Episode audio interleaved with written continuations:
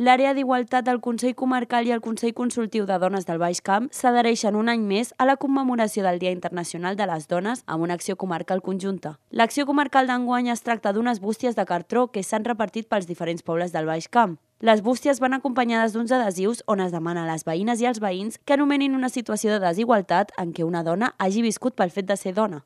També es llegirà el manifest oficial pel Dia Internacional de les Dones Treballadores i una vegada s'hagin dipositat tots els adhesius dins de la bústia es trauran les butlletes i es farà un mural per a que tothom pugui llegir les diferents situacions que han viscut les persones participants. En total hi ha 26 poblacions al Baix Camp que hi participen en acció conjunta. Aquestes es donen a terme a la lectura del manifest i a l'acció comarcal al llarg de la setmana del 8 de març.